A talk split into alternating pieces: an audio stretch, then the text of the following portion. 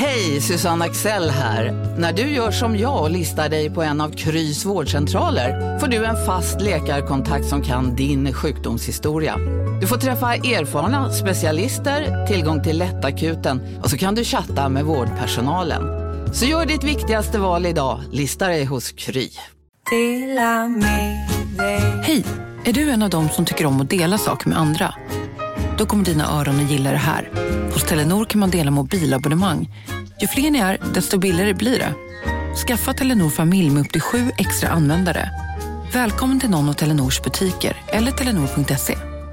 Demideck presenterar Fasadcharader. Dörrklockan. Du ska gå in där. Polis? Effektar? Nej, tennis tror jag. Pingvin. Alltså jag fattar inte att ni inte ser. Va? Nymålat! Men det var många år sedan vi målade. Demideckare målar gärna, men inte så ofta. I mars 2015 häktas bröderna Mark och Martin Saliba misstänkta för morden på sina barndomsvänner Ala Faraj och Rawan Aziz samt Rawans 18-åriga flickvän. Kommunpolis Tony Bengtsson berättar. Det är så oerhört många kontakter genom åren som man har haft med både Mark och Martin Saliba. Men den personlighetsförändringen som jag märkte hos Mark var o, oerhört påtaglig. Polisen tror att det framförallt är Mark som varit drivande i att planera morden. Och vid tiden innan trippelmordet har Tony Bengtsson märkt av en tydlig förändring i storebror Marks beteende. Vad det gäller brodern Martin så såg jag inte den personlighetsförändring på samma sätt. Han hade fortfarande kvar glimten i ögat. Det hade inte Mark. Polisens teori är att bröderna misstänker Ala och Rawand för att ha rånat deras pappa under tiden Mark och Martin varit i Thailand. Och att den unga kvinnan varit på fel plats vid fel tidpunkt. Ja, vi vet om att Mark Salibas våldskapital var starkt. Vi vet ju om att folk blev hotade. Folk som inte gjorde som han sa eller inte eh, gjorde rätt för sig eh, råkade illa ut. Men det finns ingenting som tyder på att det är Rawand och Ala som ligger bakom rånet mer än att de nu är ihjälskjutna med åtta skott och två olika vapen. Vem är egentligen skyldig? Och har lillebror Martin överhuvudtaget något med morden att göra? Eh, Jag tror inte du har fått frågan om det är fråga om en eller två gärningsmän. Det kan vi inte säga. På platsundersökningen så har vi faktiskt inte kunnat knyta någon eh, gärningsperson till platsen. De spåren som vi har fått in, som vi har fått identifierade, de går in på brottsoffren.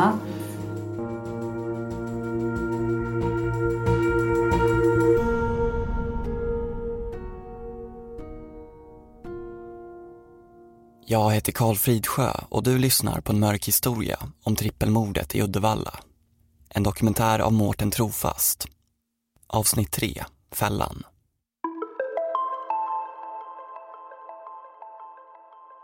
Det var nog många där som inte riktigt eh, ville tro på att vi hade rätt gärningsman eller gärningsmän. För att man, eh, man tänkte att det, det är ju kompisar. Det, alla visste ju att det hade varit, de hade varit kompisar innan. Den 4 september 2015, ett halvår efter trippelmordet, inleds rättegången mot bröderna Mark och Martin Saliba. Åklagare Per-Erik Rinsell redogör för vad han tror har hänt natten mellan den 6 och 7 mars 2015. Vår bild är att av någon anledning så tror Mark och Martin att det är alla och Ravand som har begått det här rånet mot pappan. Vi vet inte varför de tror det, men det tror de. Strax innan klockan 21, fyra timmar innan skotten faller på Bävedalsvägen, Mark och Martin anländer från Thailand. På Landvetter flygplats hämtar kompisen Rawand upp bröderna och släpper av dem hos deras pappa. När de kommer upp till pappans lägenhet berättar han att han blivit rånad och överfallen under tiden som sönerna varit bortresta. det de gör då, och det är framförallt Mark som är aktiv, det är att han går ner till ett förråd som ligger i det området där pappan bor, som han disponerar. Där det finns narkotika och det finns vapen. Och han hämtar upp ett vapen. Eh, sen behöver han ett vapen till. Klockan 23.45 Knappt en och en halv timme innan skotten kontaktar Mark Saliba kompisen Nils som vi hörde berätta om sin kväll i förra avsnittet. Och eh, beordrar upp honom med vapnet till Marks bostad var det. Nils befinner sig i Ljungskile tillsammans med vännen Viktor, cirka 15 kilometer ifrån Uddevalla. De sätter sig i en taxi och åker upp dit och levererar vapnet till Mark och Martin. Som båda möter upp i trappuppgången. Omkring 00.30. Pistolen överlämnas till bröderna Saliba. Mark tar sen kontakt med Ala Faraj och Rawan Aziz och bestämmer träff på Bäverdalsvägen. De kommer dit och då påstår jag att när de kommer dit så är Mark och Martin där. Cirka åtta minuter över ett på natten avlossas de första skotten. Man skjuter först, påstår jag, de två manliga målsägandena. Sen går man bort till eh, en bil som står lite längre bort där flickvännen till en av de manliga målsägarna sitter och skjuter henne där hon sitter. Så att hon inte, påstår jag, ska kunna berätta vad som har hänt. Sen avviker man på en moped. Man kör mopeden en, genom Uddevalla eh, och landar slutligen tillbaka i Marks bostad. Detta är åklagare Rinsells bild av vad som hänt natten mellan den 6 och 7 mars 2015. Han menar att de båda bröderna tillsammans och i samförstånd har begått morden och yrkar på livstidsfängelse för både Mark och Martin. Storebror Mark Saliba, som åklagarsidan menar har varit den mest drivande i att locka offren till mordplatsen, har suttit häktad i ett halvår misstänkt för trippelmordet. Under hela utredningen har han tigit för polisen. Han valde ju strategin att inte säga så mycket utan komma med sin berättelse på huvudförhandlingen. Men under rättegångsförhandlingarna ger Mark för första gången sin version och den skiljer sig från åklagare Rinsells. Då var det fortsatt förhör med Mark Saliba. I början av februari, någon gång där, så eh, hade jag en kund som skulle komma och möta mig som skulle köpa lite cannabis. Eh, tre kilo skulle han köpa. Och Rawand var med mig. Vi hör Mark själv berätta vad som hände den där marsnatten 2015 och vad som enligt honom ledde fram till skotten. Vi var i bilen tillsammans och väntade på honom. Och sen så ringde han och sa att eh, ja, jag kan inte komma in idag. Jag kommer in imorgon, imorgon eller överimorgon. Mark Saliba menar att han och Rawand Aziz i början av februari 2015, alltså cirka en månad innan morden, ska sälja tre kilo cannabis till en kund. Men kunden dyker aldrig upp och Mark tvingas gömma partiet i väntan på att få det sålt. Så då fick vi alltså, vänta med det. Och så hade jag kvar grejerna men jag hade ingenstans att lägga dem. Eftersom att jag inte hade nyckel till källaren då. Så jag fick lägga dem ute i skogen. Så Raman körde ut mig till skogen. Vi gömde grejerna där. De var i en väska. Så la vi dem där och sen så åkte vi iväg. Mark och Rawan gömmer narkotikan i skogen. Ett par dagar senare hör köparen av sig och Mark åker tillbaka till gömstället. Så jag åkte ut i skogen själv. Så jag började gå mot väskan. Då ser jag att eh, väskan är flyttad. Och så börjar jag gå närmare och då är väskan öppen. Och när jag är framme där så ser jag att den är tom, väskan. Så grejerna är borta. Och eh, min första tanke var då att... Och grejerna, det är cannabis? Det är cannabis, ja. Tre kilo cannabis var borta från väskan. När Mark upptäcker att hans cannabis inte längre ligger på gömstället misstänker han att det är Rawand som stulit det från honom. Mark tar nu kontakt med några bekanta som han tidigare har sålt en pistol till. Han vill att de ska råna Rawand och ta tillbaka narkotikan. Vilka personerna är vill han inte avslöja för rätten. Och snackade lite så sa jag till dem att jag har en kille som har blåst mig och jag vill gärna ha tillbaka mina grejer då. Och eh, ja, jag vill gärna att någon ska råna. Vet ni, någon känner folk som kan göra det som inte är som alltså är från eran stad där, som man inte känner igen. Och då sa de att vi kan göra det. Rånarna frågar nu Mark om han har en pistol som de kan få låna när de rånar Rawand. Mark blir lite förvånad eftersom han nyligen sålt en pistol till dem. Och så sa jag till dem, jag har ju en pistol. Jag sålde ju själv en pistol till er för inte så länge sedan. Och så sa de, nej den är borta den pistolen. Vi, vi har inte den mer. Så har du någon pistol att låna oss om vi ska hjälpa dig med rånet då.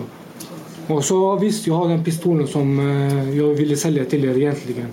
Tanken är att rånarna ska få ytterligare en pistol från Mark utöver den han redan sålt till dem.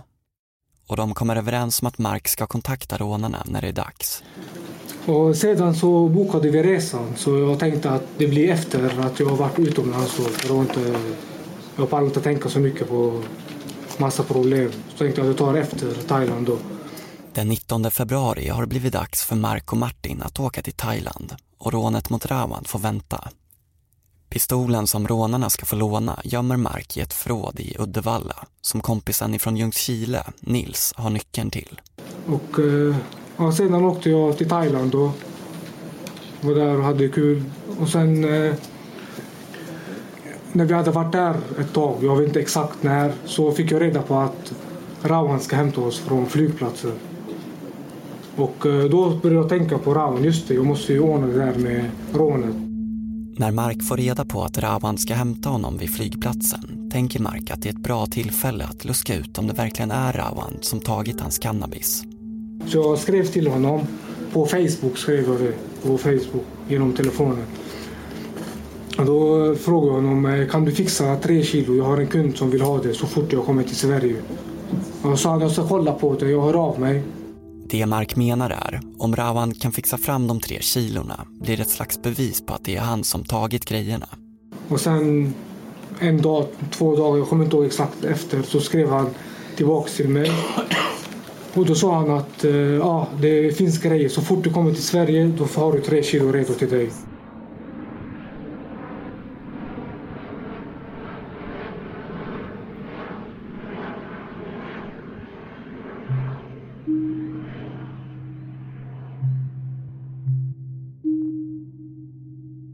Fredagen den 6 mars 2015, fyra timmar innan skotten på Bäverdalsvägen.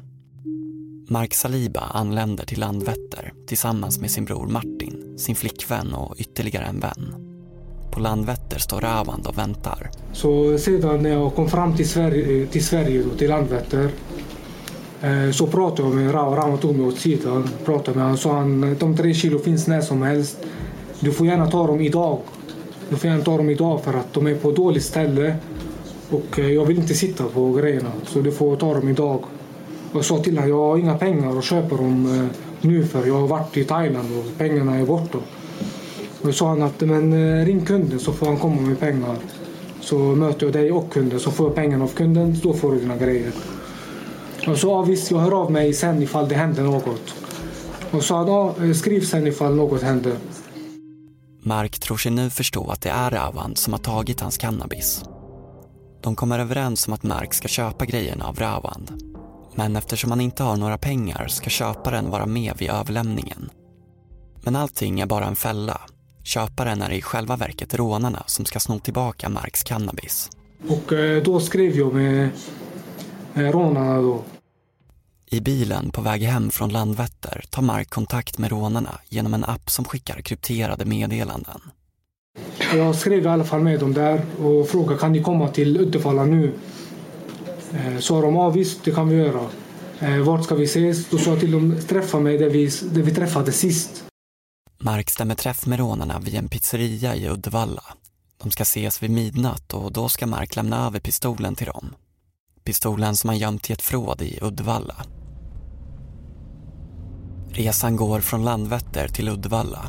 I bilen finns även Marks flickvän, brodern Martin och en person som kallas för T. T släpps av först på Bäverdalsvägen. Slutligen släpps Mark och Martin av vid pizzerian. Så gick vi av vid eh, pizzerian, men längst in i garaget. Och så när Ramad åkte då så tänkte jag gå och eh, hämta pistolen från källaren då. Men eh, jag kollade på klockan och den var, den var inte ens 11, den var 22.40 någon, någonting. Eftersom Mark inte ska träffa rånarna och lämna över pistolen förrän klockan 12 så bestämmer han sig för att gå hem till sin pappa. Så vi gick hem till pappa. Vi gav honom presenten. Vi satt och pratade lite. Efter att Mark har varit hos sin pappa en stund lämnar han lägenheten ensam för att hämta pistolen i förrådet. Klockan är då runt halv tolv på natten. Och sen så gick jag ut då, efter en, tid, efter en stund. Då. Och eh, jag hade ju inte nyckel till källaren där. Mark har inte nyckeln till källarförrådet där han gömt pistolen. Det har däremot vännen som bor i Ljungskile, Nils. Mark ringer upp honom. Han sa nej, pistolen är i Ljungskile. Den är inte i Uddevalla. Och då blev jag lite sur på honom. Så jag sa till honom, du kan inte ta den utan att säga till. Du får komma och lämna den nu. Och sa han, jag, är, jag ska till Uddevalla imorgon och då kan jag ta med den. Så till honom, du kommer idag, det blir som straff. Du kommer och lämna den nu till mig. Så eh, möts vi på, hemma hos mig. Mark beordrar nu Nils att åka de cirka 15 kilometrarna från Ljungskile till Uddevalla och överlämna vapnet till honom, mitt i natten. Och så gick jag därifrån och sen så, jag hade ju ingen klocka men jag tänkte klockan är snart 12. Så sprang jag ner till eh, pizzerian så att jag visste inte hur mycket klockan var. Och då träffade jag rånarna där. Och då sa jag till dem att eh, det finns tre kilo, jag kan fixa mötesplatsen, jag, vill, jag har inte bestämt någonting än. Och då frågade de mig, var är pistolen? Och då sa jag till dem, jag får pistolen snart, jag har inte den nu. Eh, möt mig utanför mig så eh, pratar vi mer där sen. Och utanför mig, jag har träffat dem där många gånger. Och det är på parkeringen till sjukhuset. Efter att Mark varit vid förrådet springer han mot pizzerian där han ska träffa rånarna. Han vet inte riktigt vad klockan är, men mötet med rånarna ska ske klockan 12. När han kommer till pizzerian är rånarna redan där. Men Mark har ju ingen pistol att lämna över. Den är ju i Ljungskile. Han berättar för rånarna att de ska få vapnet senare och ber dem att köra hem till honom. Mark går därefter återigen hem till sin pappa som kör Mark hem till sig. Varför han inte åker med rånarna, som ju ändå ska hem till honom, förklarar han med att hans flickvän är hos pappan och att hon också ska med hem. När han väl kommer hem får han ett sms från Nils. Han skrev kom ut eller utanför, något sånt. Jag fattade att jag skulle gå ut i alla fall. Så öppnar jag dörren, då ser jag han, så jag vinkar in honom då. Nils har gjort som han har blivit tillsagd. Han har tagit en taxi från Ljungskile till Uddevalla och klockan halv ett på natten överlämnar han vapnet till Mark. Och då fick jag pistolen av honom. Och han bad om ursäkt och frågade är det okej. Okay? Så till honom det, det är lugnt, du kom in och lämna den. Du, alltså det, du är förlåten. Var Martin befinner sig just nu vet inte Mark, men han är i alla fall inte med vid vapenavlämningen, menar han. Det är nu som Mark kontaktar Ravand angående köpet av cannabis. Mark startar upp två nya mobiler och klockan 00.39 skickar han ett sms med innehållet. Bror, kan jag snacka med dig om den där horan du vet? Jag skrev först sms till, som jag trodde var Ravand. Ett nummer jag hade skrivit. Jag fick inget svar. Sen skrev jag ett till och då kontrollerade jag numret. Och eh, då såg jag att det var fel nummer. Jag visste inte vems nummer jag hade skrivit till. Smset som skickas från Marks nystartade telefon går till Ala Faraj. Mark förklarar det som ett rent misstag, att smset var tänkt till Rawand. Och klockan 00.46 skickar han ett nytt meddelande. Den här gången till Rawand med samma innehåll. Bror, kan jag snacka med dig om den där horan du vet? Och då skrev han, ja, vem är det? Då skrev jag, du vet vem jag är. Eftersom Mark använder sig av ett nytt telefonnummer förstår inte Rawand vem det är som smsat honom. Rawand frågar därför vem det är som skickat smset. Då svarar Mark, du vet vem det är. Rawand svarar, men jag vet inte vem du är. Skriv på ett ungefär vem du är. Så och då skrev jag till han, kom dit, vi släppte av te förut. Rawan verkar då förstå vem det är som skriver eftersom det var han själv som släppte av te på Bäverdalsvägen på vägen hem från Landvetter. Sen så identifierade jag mig själv genom att skriva saker som jag hade pratat med honom innan och han fattade. Skrev han AM, då skrev jag AM. Och så, eh, och så, han, och så skrev han okej, okay. alltså att han på väg dit. Efter att ha fått Marks identitet bekräftad beger sig nu Rawan till Bäverdalsvägen i tron om att Mark ska möta upp honom där för att köpa narkotikan. Samtidigt kom Mark ut på parkeringsplatsen 200 meter från sin lägenhet där rånarna nu befinner sig. Ja, jag lämnade mobilen till rånarna och eh, gav dem pistolen. Och då ringde telefonen. Mark lämnar över pistolen till rånarna. Han lämnar också över den mobiltelefon som han har kontaktat Ala och Rawand med. Plötsligt ringer det på telefonen. Då svarade jag. Då var det Allah istället som pratade. Så jag hörde Allahs röst. Hallå, vem är det? Och då sa jag, ja det är Mark. Jag tänkte för mig själv, varför, hur ringer han? Hur har han det, hur har han det telefonnumret? Det har nyss startat det. Och då sa han, du har smsat mig. Och så, ja nej nej nej, jag smsar fel. Ala Faraj har ju också fått ett sms från Mark. Mark förklarar att smset skulle till Rawand och avslutar samtalet. Rånarna tar pistolen och mobilen och beger sig mot Bäverdalsvägen dit Mark har beordrat Rawand för att råna honom. Mark själv påstår att han går och lägger sig och sen vaknar klockan 04. Alltså tre timmar efter att Ala, Rawand och Rawands flickvän skjuts ihjäl. Det är först Om en så vidde på väg till dig för att du råkar ljuga från kollega om att du också hade en och innan du visste ordet av du hem kollegan på middag och... Då finns det flera smarta sätt att beställa hem din sous på. Som till våra paketboxar till exempel. Hälsningar Postnord. Du, åker på ekonomin. Har han träffat någon? Han ser så happy ut. Var det onsdag? Det är nog Ikea. Har du dejtat någon där eller? Han säger att han bara äter. Ja, det är ju nice där alltså. Missa inte att onsdagar är happy days på IKEA. Fram till 31 maj äter du som är eller blir IKEA Family-medlem alla varmrätter till halva priset. Välkommen till IKEA. Ah, dåliga vibrationer är att skära av sig tummen i köket. Ja! Bra vibrationer är att du har en tumme till och kan scrolla vidare. Få bra vibrationer med Vimla. Mobiloperatören med Sveriges nöjdaste kunder enligt SKI.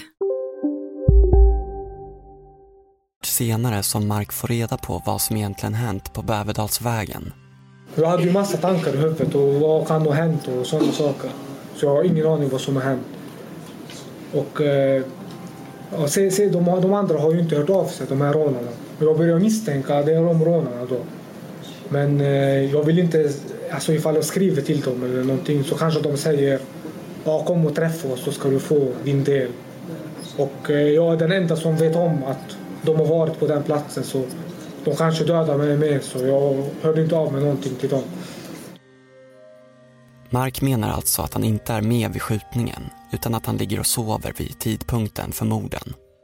Att han tar kontakt med Rawand beror på att man ska råna honom på narkotika. Och att han både skriver och pratar med Ala Faraj i telefon är inte för att stämma träff utan ett rent misstag.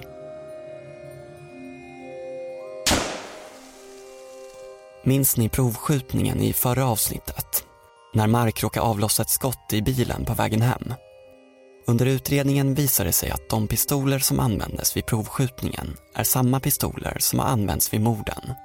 Och sedan när jag satt på förhör då, så eh, berättade polisen att Eh, den, de pistolerna som användes vid havskuren är samma som använts vid eh, rånet. Då, då stärktes ju mina misstankar mot rånarna.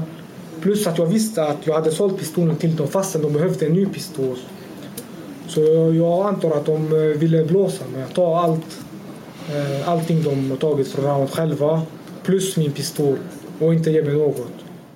Marks förklaring till att hans pistoler som han använde vid provskjutningen också visar sig vara de som användes vid morden beror på att han har sålt eller lånat ut båda pistolerna till rånarna. Mark beskriver rånarna som några personer ur en kriminell gruppering från en annan stad. En bit in i förhöret med Mark Saliba kommer till slut frågan från ordförande Stefan Olsson som alla har väntat på. Nu sitter du ju här, Mark, åtalad för mord, vilket är bland de absolut allvarligaste brott man kan vara misstänkt för. Ja. Du har säkert funderat över det, men om jag säger att det vore ju begåvat att nu då berätta vilka de här rådarna är. Ja, det vågar jag inte. Det vågar du inte? Nej. Jag har okay. familj och sånt ute. Ja. Detta är alltså Mark Salibas version av vad han gör under mordnatten. Hans bror Martin ska komma med en helt annan berättelse.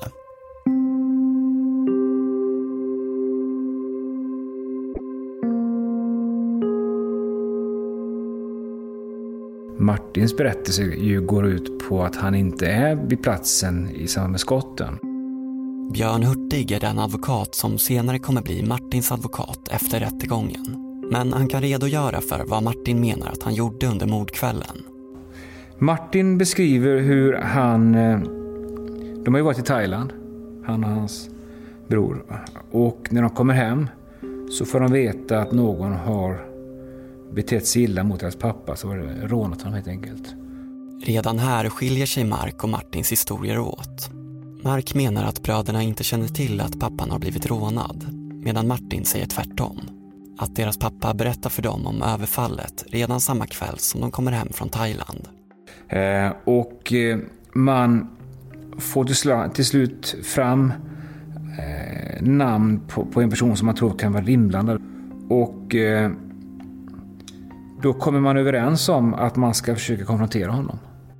Men personen som Martin menar att de misstänker har rånat deras pappa är förvånansvärt nog varken Alaa Faraj eller Rawan Aziz, utan någon helt annan. En person som vi kallar William. Strax innan ett på lördagnatten menar Martin att han och brodern befinner sig i Marks lägenhet i Uddevalla.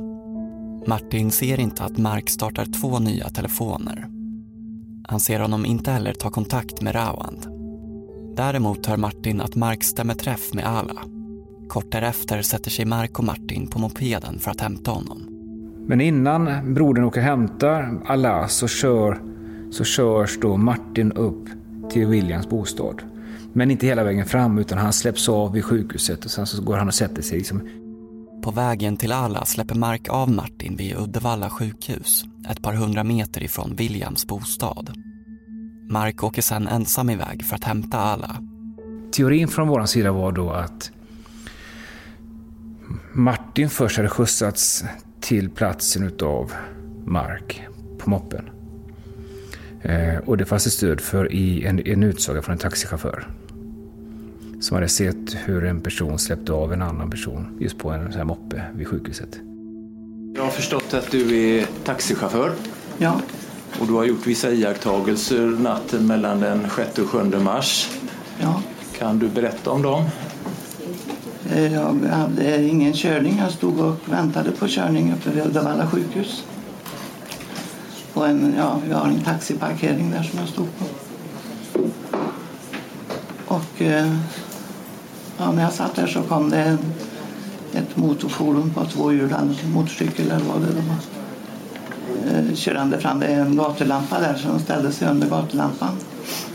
Och eh, passageraren, de var två stycken på dem, förare och passagerare. Och passageraren steg av där. Eh, tog även av sig hjälmen. Föraren tog inte av sig någon hjälm.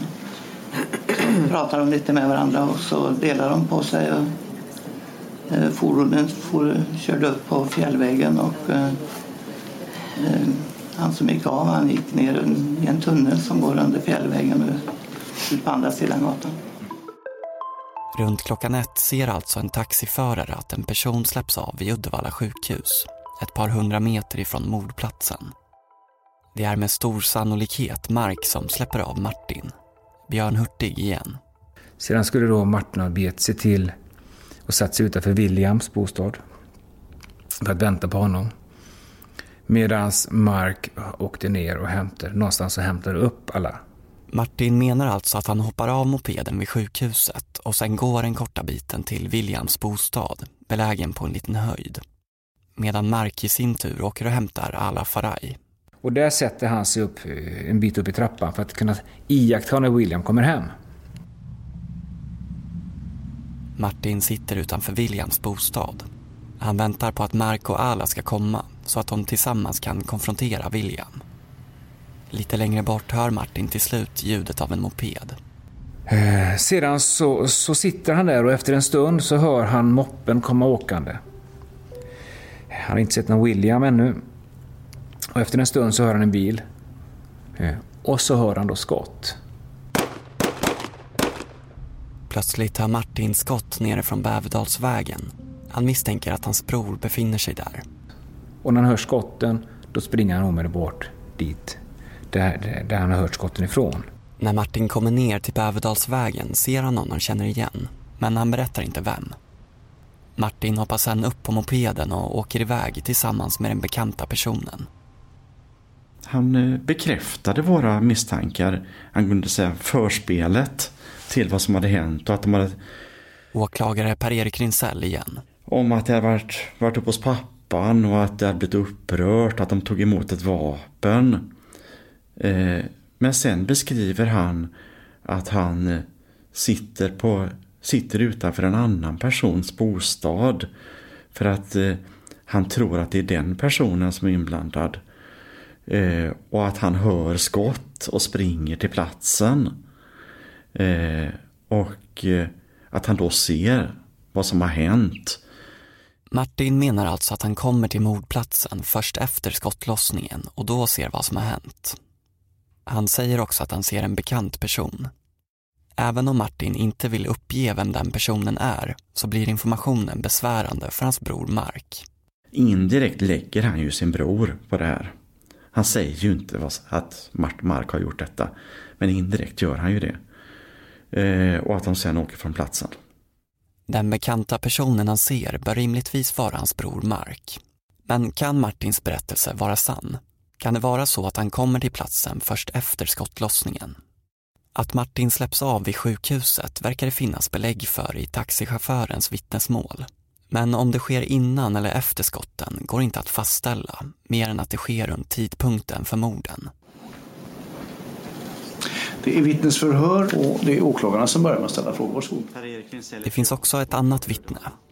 Den unga kvinnan på moped som vi hört i tidigare avsnitt, som åklagare Rinsell lyfter fram som ett av de viktigaste vittnena. Eh, och jag kom på mopeden, jag satt bakom Mm. eh, och min pojkvän körde. Eh, och Hon har berättat för polisen hur hon och hennes pojkvän passerar två personer vid en moped som står på Bäverdalsvägen. Alltså samma ställe som mordplatsen. En lite längre och en lite kortare. Eh, de står och tittar på oss när vi åker förbi med mopeden. En kort stund senare hör de plötsligt smällar och ser sen två personer lämna platsen på moped. Och eh, sedan fortsätter mopeden upp mot Lelången och drar iväg. Vittnesmålet blir besvärligt för Martin. För om han anlände till mordplatsen efter skotten, hur kan vittnet då ha sett två personer vid mopeden precis innan skottlossningen?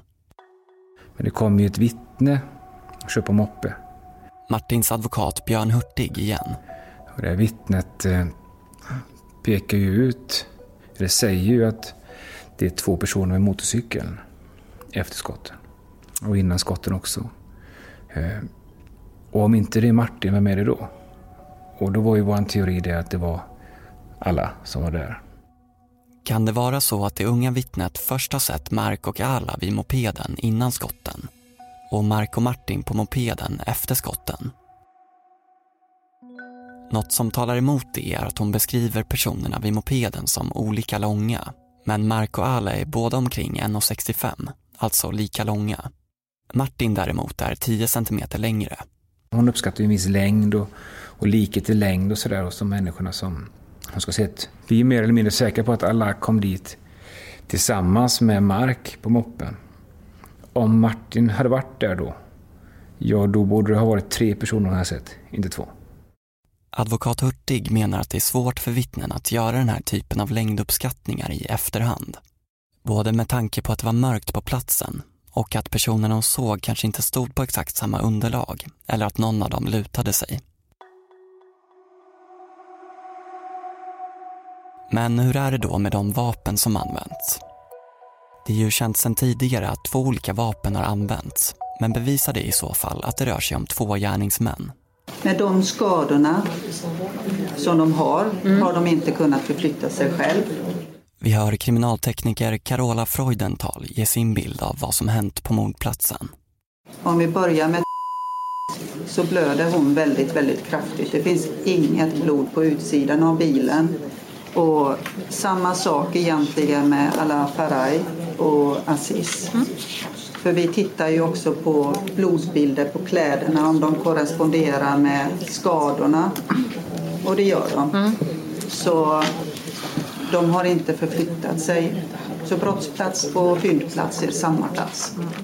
Den kriminaltekniska undersökningen är i vissa delar ingen absolut sanning utan hypoteser utifrån fynd, beräkningar och kriminalteknikernas erfarenheter. Hypotesen säger att offren troligen blivit överraskade och att de har varit obeväpnade när de kom till platsen. Både Aziz och Faraj har ju inte förflyttat sig särskilt långt. Troligtvis när skottlossningen börjar och det kan ju finnas olika anledningar till det.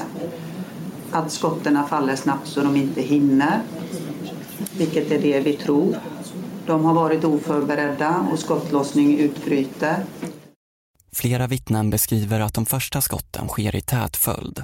Sen tar det ett tag och sen avlossas ytterligare ett skott. Offrens positioner visar att de inte hunnit förflytta sig. Men frågan alla i rättssalen undrar över, rör det sig om en eller två skyttar? Slutligen kommer frågan från Martins advokat.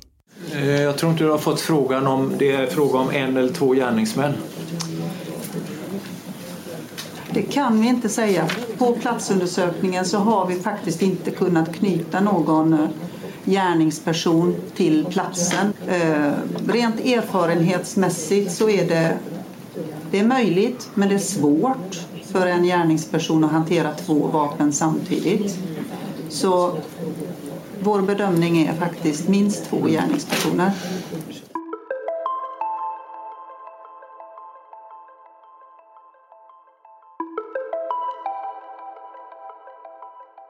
Jag kan inte säga vem som skjuter med vilken pistol eller om båda skjuter. Eller om eh, hur, det, hur det faller sig. Vi hör åklagare Per-Erik Rinsell. Jag vet att båda har ju skrutrester på sig. Båda är på platsen när det sker. Och man har, man har två pistoler. Jag, jag kan ju tycka att det är naturligt att man har varsin då. Jag vet att det finns mer medialt sinnade kriminologer som eh, har en, ten, har en teori om att Mark först skulle ha skjutit ett antal skott, sen tagit upp nästa pistol som han skulle haft i fickan och skjut, fortsatt skjuta. Allt medan Martin står och tittar på. Jag vet inte. Det, jag tycker det verkar osannolikt. Den 22 oktober, fyra veckor efter rättegångsförhandlingen, kommer till slut domen. Ja, Mark, han hade en berättelse utifrån vad han hade läst sig till i förundersökningen. Så den var inte dålig egentligen på något sätt. Den var, han hade tänkt mycket på den. Även om Marks historia, enligt åklagare Rinsell, är väl genomtänkt så finns det mycket som talar emot den. Masstömningen visar att han inte kan ha varit på alla de platser som han säger under mordnatten. Det hinns helt enkelt inte med. Man vet dessutom att han stämt träff med både Allah Faraj och Rawan Aziz en kort stund innan morden. Mark har haft kontakt med mordoffer och stämt möte vid platsen för mordet. Dessutom har ju ett vittne sett två personer på mordplatsen i samband med skotten och kan beskriva Marks moped. På samma moped har polisens tekniker hittat tändsatspartiklar. Man vet också att Mark har beordrat ett av mordvapnen till Uddevalla samma natt som morden.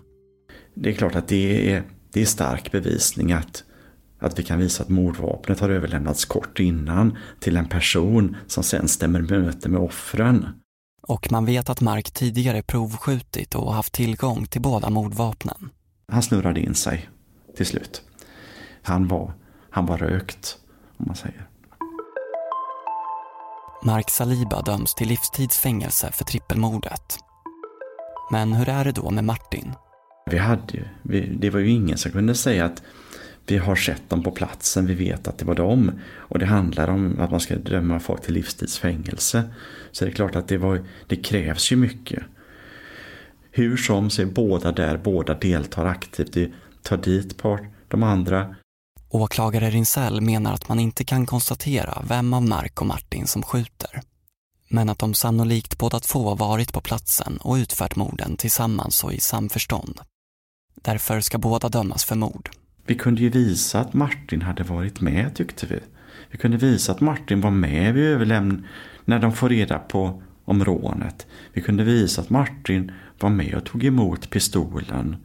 Vi kunde visa att Martin var med på mordplatsen innan mordoffren kom dit. Men domen mot Martin blir inte vad åklagarsidan har tänkt sig. Martin frias helt från alla misstankar och släpps på fri fot. Analysen brast. I Martins fall menar tingsrätten att det visserligen finns en rad omständigheter som talar för att han är medskyldig. Men det kan också vara så att han inte var på mordplatsen när skotten avlossades.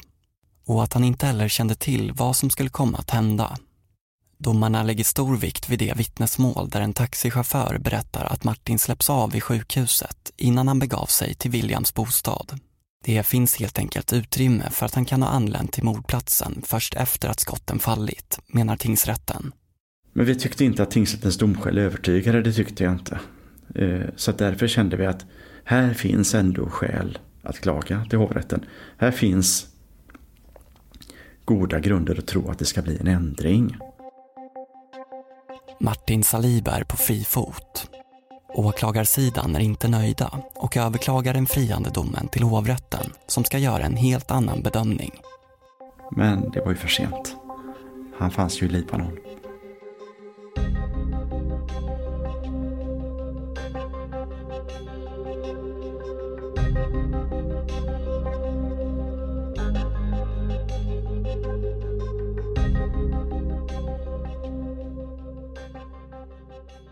Du har lyssnat på en mörk historia om trippelmordet i Uddevalla, del 3 av 4. Tryck på prenumerationsknappen i din podcastspelare för att inte missa nästa del. Eller lyssna nu direkt på alla fyra avsnitt utan reklam på Podmi. Trippelmordet i Uddevalla är en dokumentär av Mårten Trofast. Producenter var jag, Karl Fridsjö och Joel Silberstein Hont. En mörk historia görs av produktionsbolaget Just Stories.